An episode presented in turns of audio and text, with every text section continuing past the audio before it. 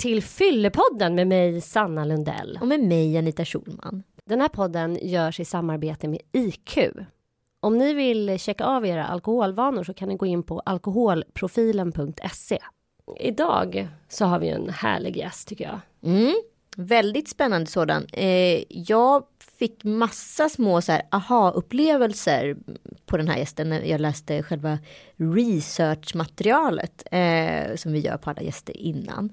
Eh, och det ska bli så otroligt spännande att höra på den här personen. För jag har liksom ingen riktig koll på henne. Man tror bara att hon är programledare på Barnkanalen och det är ju inte så bara. Men det är ändå ett väldigt stort marginaliserande till vad hon faktiskt är. Ja, hon är ju så otroligt mycket mer. Skulle jag säga. Hon har en eh, väldigt fascinerande bakgrund och uppväxt till att börja med. Mm. Och sen så är hon ju verkligen inte bara barnprogramledare utan hon har gjort massor med annat. Bland annat har hon skrivit en trädgårdsbok. Exakt. Och så har hon tre barn. Ja. Hon har hunnit med mycket den här tjejen. Ja, och hon har också ganska stora barn, vilket är Ja. spännande för hon är ju bara 38 år. Och äldsta barnet är 21. Mhm. Ska vi ta in våran gäst? Det gör vi.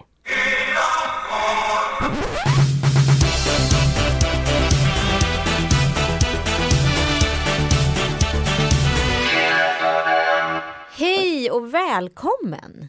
Doreen. Tack, Doreen. Dor Fan. Doreen. Inte sån jävla Loreen vann så säger alla helt plötsligt Doreen. Ja, Är det sant? Ja. Är det så? Mm. Vad hände? Kan man det. inte liksom Kan inte eh, inte- surfa lite på vågen då? Ja, men... Namn, kan, artistnamn. kan inte hon vara någon i något annat land? Ja.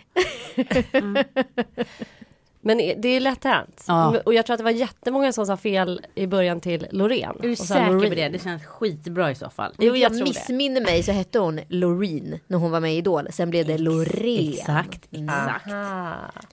Doreen. Ja. Du, eh, det finns mycket att säga om dig. Du är ju barnprogramledare och du eh, gör tv och du är journalist. Och du älskar trädgård. Du har givit ut en helt fantastisk trädgårdsbok. Mm. Det tyckte jag var lite otippat. Ja, På okej. något sätt. Mm. Jag har gjort trädgårdsprogram också. Berätta, varför älskar du trädgårdsarbete så mycket? Eh, det är inte så mycket just trädgårdsarbetet utan det är att odla ekologiskt. Eh, och pratar man för mycket om det så blir folk förbannade på en. Så jag ska fatta mig kort. Det är, vi gillar mat väldigt mycket och eh, vi gillar ekologiskt och då är det faktiskt eh, Och vilka är vi? jag och min familj. Mm. Hela familjen är engagerade, alltså ska man kunna säga. Alltså inte hela, ja, tjejerna hjälper till men Ja, men de är ju delaktiga och lagar mat och så vidare och tycker om när det är fantastiska smaker och bra och roliga grönsaker och sådär. Ja, men så det är så, det är därför vi odlar sjukt mycket grönsaker. Det är ingen vacker snygg trädgård. Utan det är, Det är en bruksträdgård. ja det är en köksträdgård. Men det Alltså, känns lite grann som att det är en trend just nu. Att man Ja. ska kunna bruka sin trädgård och att man faktiskt ska Balkonger. odla Mm. mat. Liksom. det är skitkul ju. Det är bra. Du var ju tidig på den. Ja, jag har odlat på balkong. Jag har inte bott i hus jämt. Jag har bott jättemycket eh, i lägenhet med balkong. Så jag har odlat jättemycket på balkonger. Har du gjort det? Spännande, det skulle jag vilja veta allt om. Mm. Jag läste någonstans att du hade Vindruvor, ja. 90 tomatplantor. Ja, det kanske jag har haft. Ja. Men alla dessa växter ska ju skötas om. Jag ska Mm. alltså erkänna att jag är kanske jordens... Jag älskar idén. Jag skulle vilja Mm. ha, en stor eh, trädgård med eh, växter som jag kan få äta. Mm. Men jag är så himla dålig. Jag har inte gröna fingrar. Jag försöker... heller. Liksom jag glömmer att vattna och så bokar jag bort på någon liten resa. Och så här. Det är ändå ett heltidsjobb. Om Mm. man ska kunna få en trädgård att fungera och att, eh, att det ska bli någon mat. Och att den inte blir uppäten av och ogräset tar över och sådär. Mm. Kan du ge några så snabba tips? Alltså jag har stora barn. Så att när jag reser bort så är någon av dem hemma. Så då kan jag säga till dem, vattna växthus. Annars hade det aldrig gått. Det går inte att ha sådär mycket som vi har. Om man inte har, liksom, har råd att ha någon trädgårdsmästare. Det har man kanske inte. Eh, så de hjälper till jättemycket. Och eh, jag tycker fördel att odla på balkong. För där kan man hantera det. Det är ju svinenkelt. Och Mm. allt växer ju bättre på en balkong. För att Va? det är en zonknäckare. Aha! Ja. Gud, jag måste ha en crash course. Vadå en sondknäckare? Zon, alltså det blir ju mycket Zon. bättre klimat i en balkong. Så man kan ju ha så här vindruvor om man bara spänner lite linor i taket liksom. Och eh, så klättrar de där så hänger det vindruvsklasar och eh, skitenkelt faktiskt. Det finns ju sådana här sorter som är framtagna för vårt klimat. Ja. Wow, Gud, alltså, har du jag- balkongen? Anita? Ja, Och jag har det världens bästa läge också. Ja men då. Nej, nu ska du köra igång. Nej, Du men kan jag ha bara- fruktträd och allt möjligt. Om det är en stor balkong. Alltså sådana här spaljerade. Alltså inte ett helt träd utan du spikar som ett kors och så låter du grenarna gå så här. Då blir det liksom inte så mycket blad utan asmycket frukt bara. Jag blir helt mållös. Nu vad måste kul. vi prata vidare här. Du har en, jag läste på researchen om dig och jag blev förvånad över ganska mycket. Det var massa saker som inte jag kände till. Mm.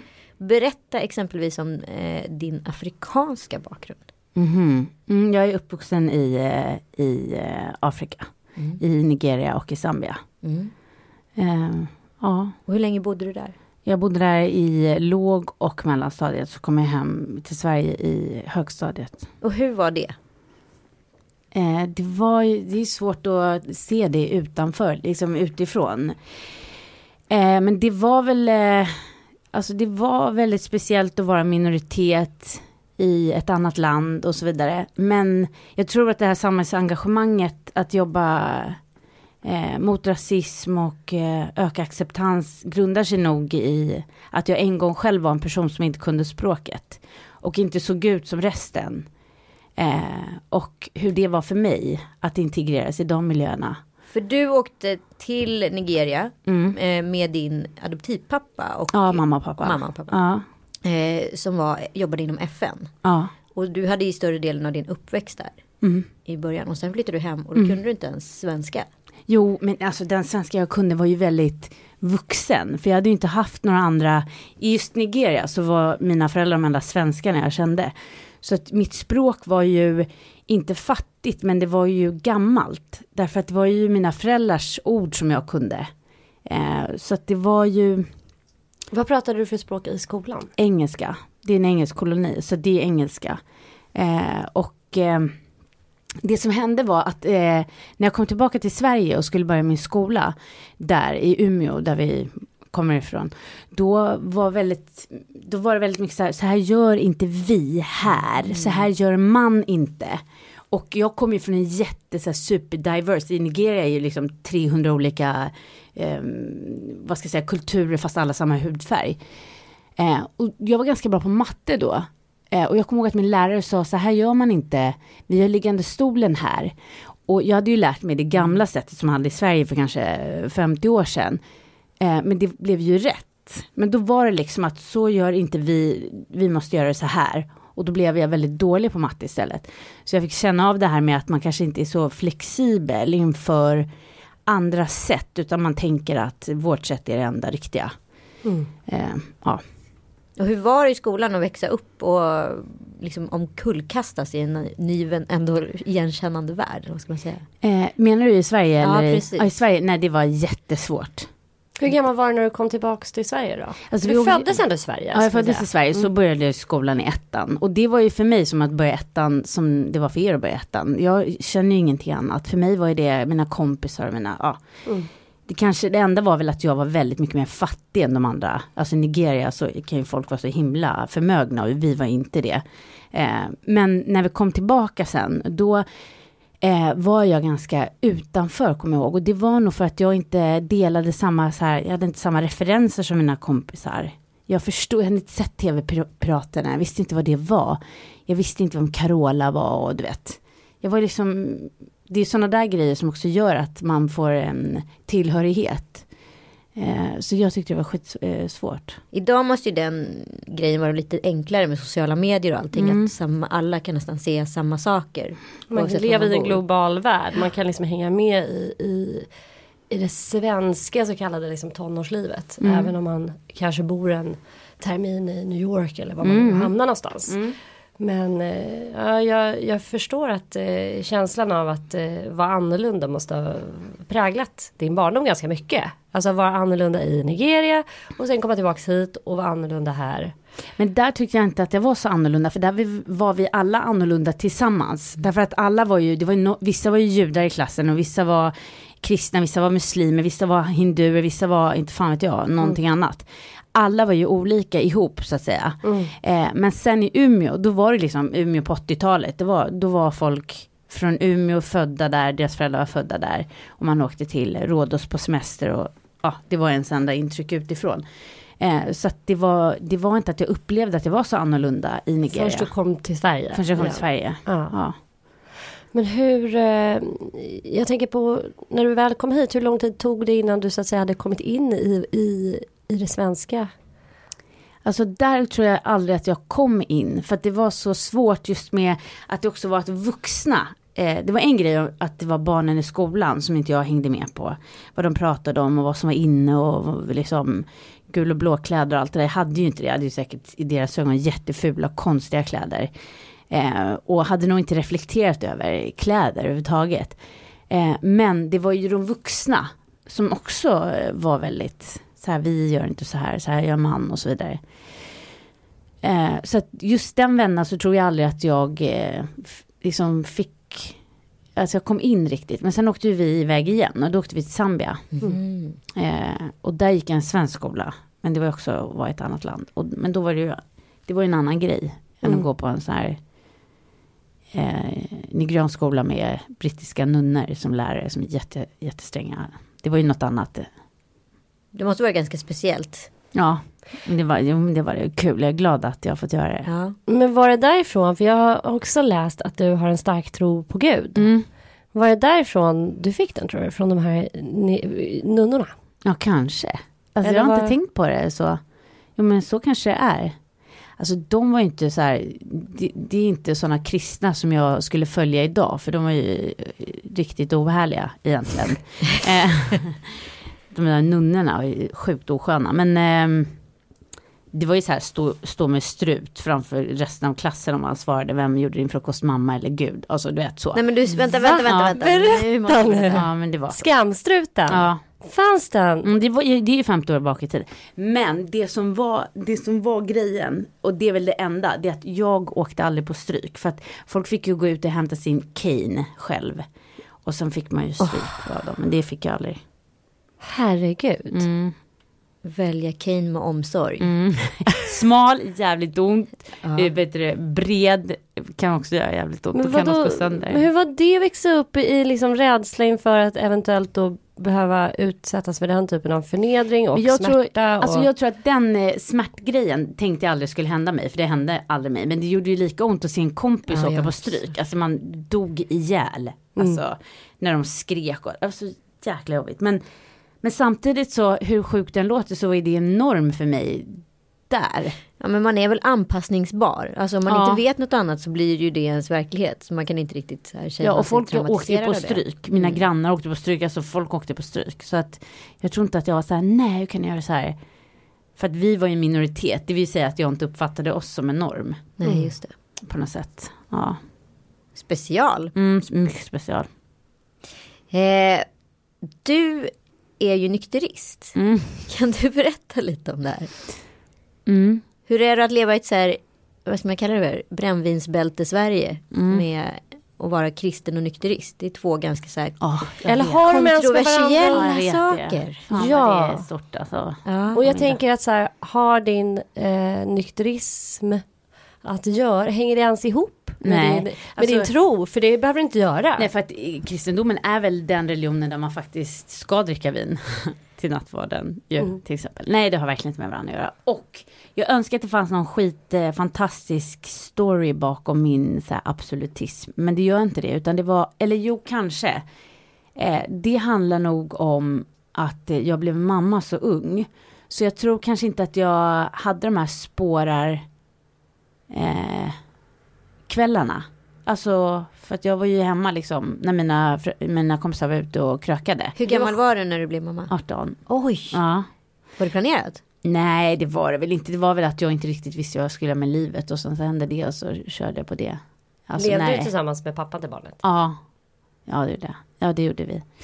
Men jag tror att det var därför. För hade jag, tror att jag absolut är en krökare egentligen kanske. Alltså nu vet jag inte det. Alltså jag vet ju inte det. Men- Har du aldrig testat? Nej. Du har aldrig druckit? Nej men alltså jag har gjort så här, du vet så här. En, en liten smutt. Men så tycker jag att det smakar, eh, ja men jag tycker typ smakar aceton, förlåt. Alltså jag vet att alla blir jättesura när man säger det. Men jag tycker det smakar rengöringsmedel.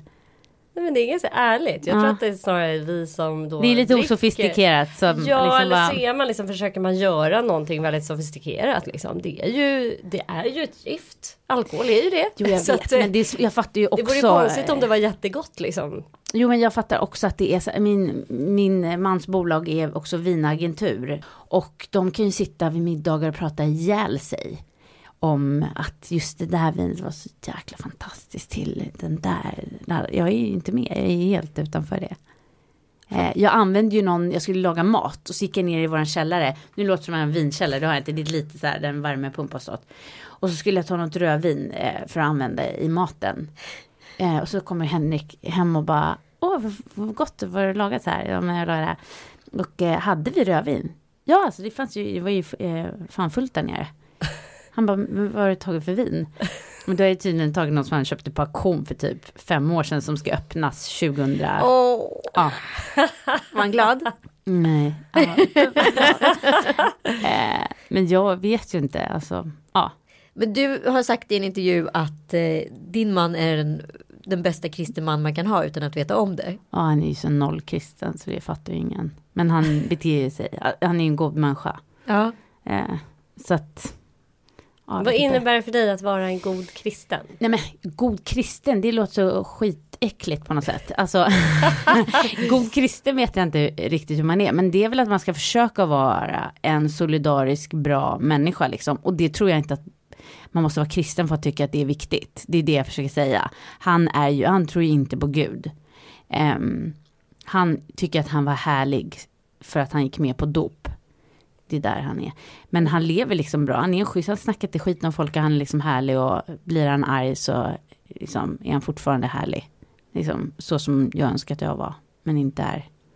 Ja, Men då är ju du å andra sidan kristen så du klarar så jag det klarar ändå. mig. Ja, precis. jag tror det är värre när man är kristen därför där blir man ju så medveten om att så här, ja, du får inte tänka så. Eh, men jag tror inte, jag tror att det är en gammal, gammal syn på religion också. Jag tror att alla människor tänker så här, fan så där ska jag inte vara. Jag ska försöka vara lite härligare. Men det har inte med religion att göra egentligen. Nej. Men jag tänker att vi, du, vi är inne på tre spår. Eh, alltså som du sa Anita, vi lever i ett brännvinsbälte. Mm. Vi kan inte komma ifrån att den svenska kulturen är väldigt präglad av alkohol. Mm. På ett eller annat sätt. Det är liksom, har vi en högtid så ska det firas med en nubbe. Mm. Vi lever också i ett av världens mest sekulariserade länder. Mm. Så att liksom tillkännage sin tro, Mm. om man är kristen, då ses man som lite geeky. Freak, ja. Ja, som att man är Ja. lite konstig och udda. Vi tänker frikyrkor, sekter Mm. och så vidare. Är Lästadianer. konstigt. Ja. Och sen vad var det tredje jag tänkte på som man bara, mm, nej men det här Utanförskapet. utanförskapet. Mm. Jag tänker att så här, hur, hur står du pall? Jo, att vi lever i ett land där det är, är ganska, man får inte sticka ut. Man Mm. måste vara annorlunda liksom. Du... Eh, Men jag ska säga om spritgrejen, Ja. alkoholgrejen vill jag bara säga. Att det är så här att folk blir väldigt provocerade. För de tror att det handlar om dem, att jag inte dricker. Jag dricker ju inte för att jag tycker att det är moraliskt inkorrekt att inte, att, alltså jag tycker att det är moraliskt inkorrekt att dricka. Det är ju verkligen inte det. Jag tycker att det är äckligt. Okej, det är det enda. Skulle någon lura på mig någonting så kanske jag skulle börja dricka ett glas vin till maten.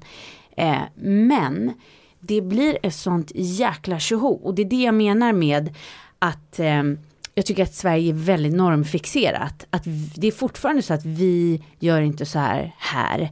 För att om jag är vid ett middagsbord eller någonstans där det är massa människor och man tar in vin.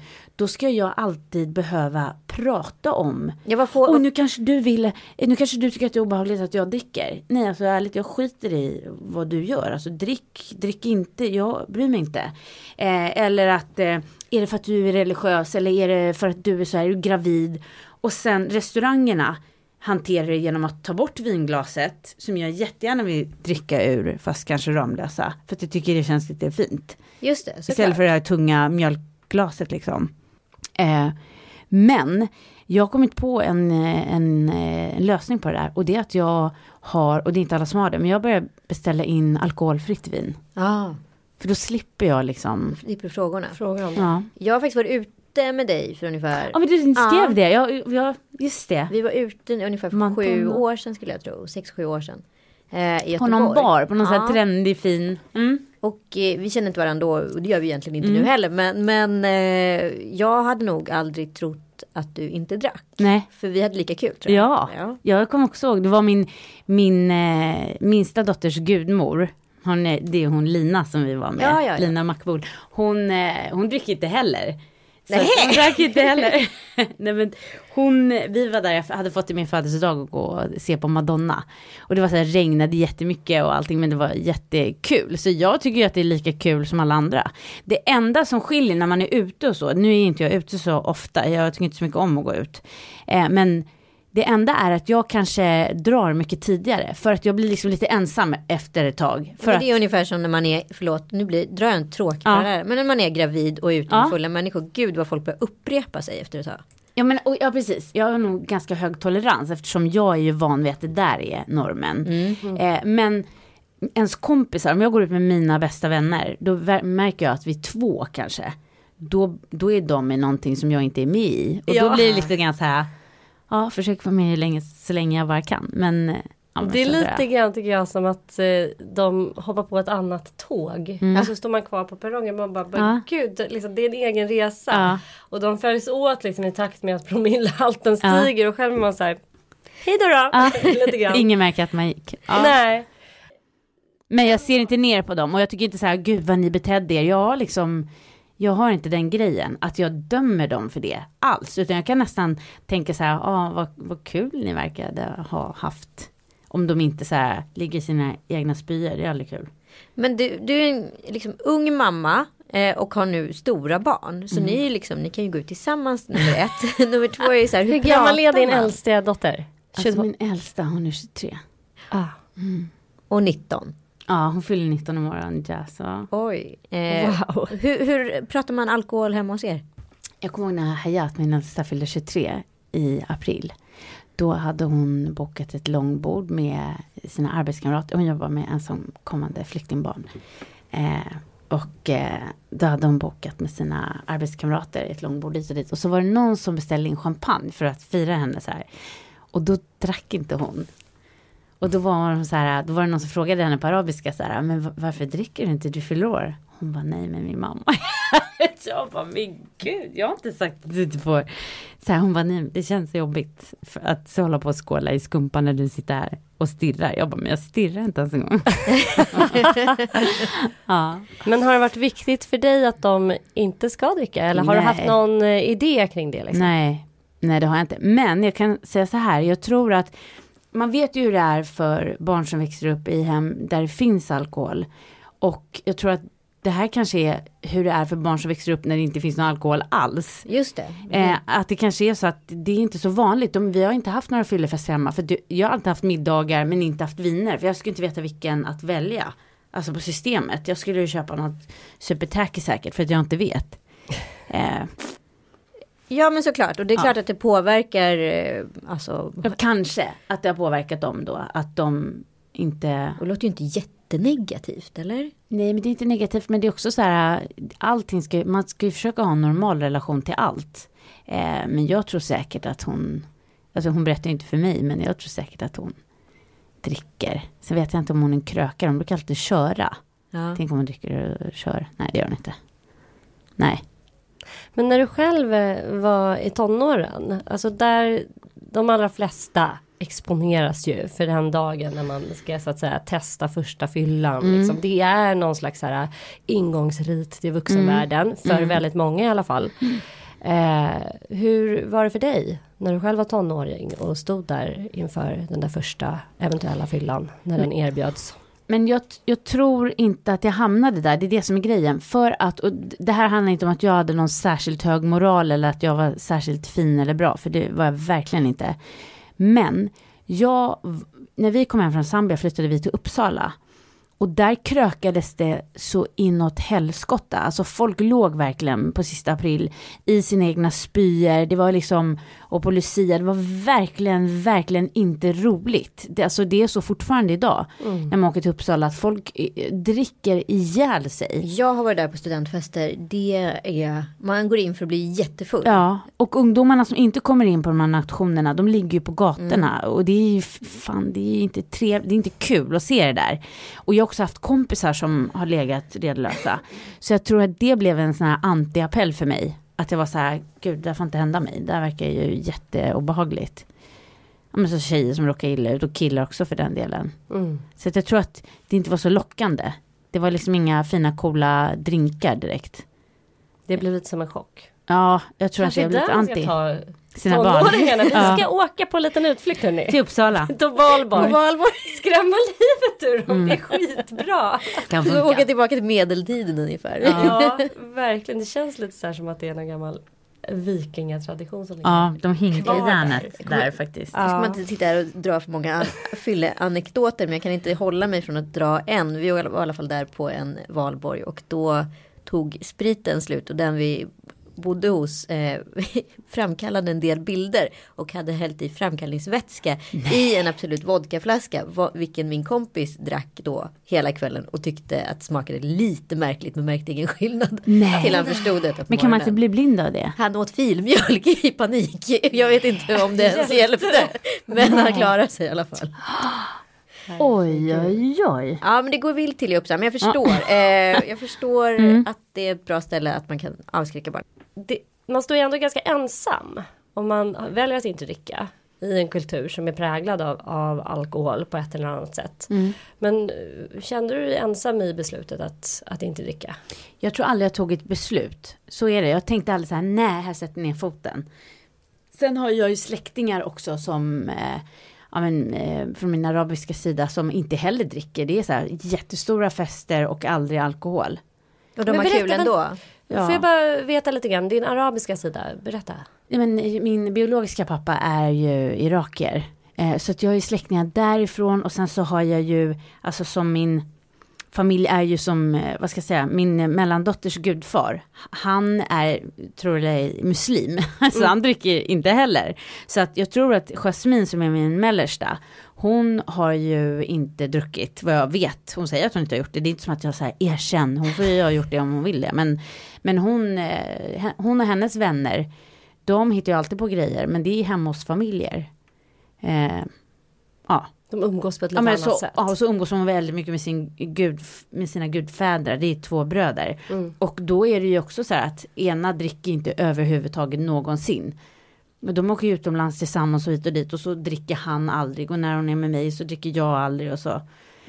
Det kanske blir att det blir, li- att det blir lite det du sa, så här att det inte är norm för dem att dricka. Mm. Det finns fler färger i paletten kanske för dem. Ja och sen så blir det inte heller någon polarisering att det ena är bra och det andra är dåligt Nej, heller. nej, nej, nej, absolut. De har inga sådana åsikter tror jag.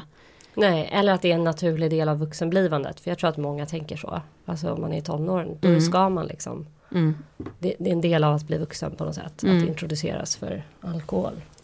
Tänker jag. Mm. Så det är väl jättebra om det finns Mm. flera förebilder. Ja, och att det finns andra sätt att bli vuxen på. Ja, Alltså jag tror att, eh, att dels, ja det kan vara det där, det kan vara att börja röka, det kan vara att ta stora beslut till exempel. Ehm, och jag tror att med henne så har det varit att nu när hon slutar gymnasiet, som är en väldigt känslig ålder vet jag som då har en äldre dotter.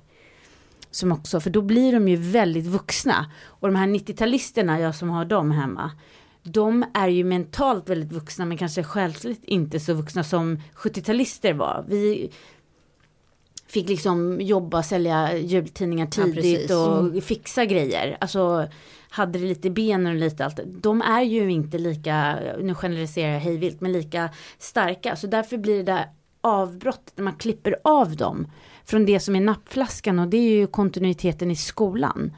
Då tror jag att lite allt möjligt kan hända. Och knepet där är att man innan det avbrottet hittar ett fokus. Eh, och för båda mina tjejer så har det varit att eh, dels så slutade de båda två skolan med att åka och volontärarbeta i Afrika. Alltså de fick det studentpresent båda två. Och då, då hamnar du i ett perspektiv.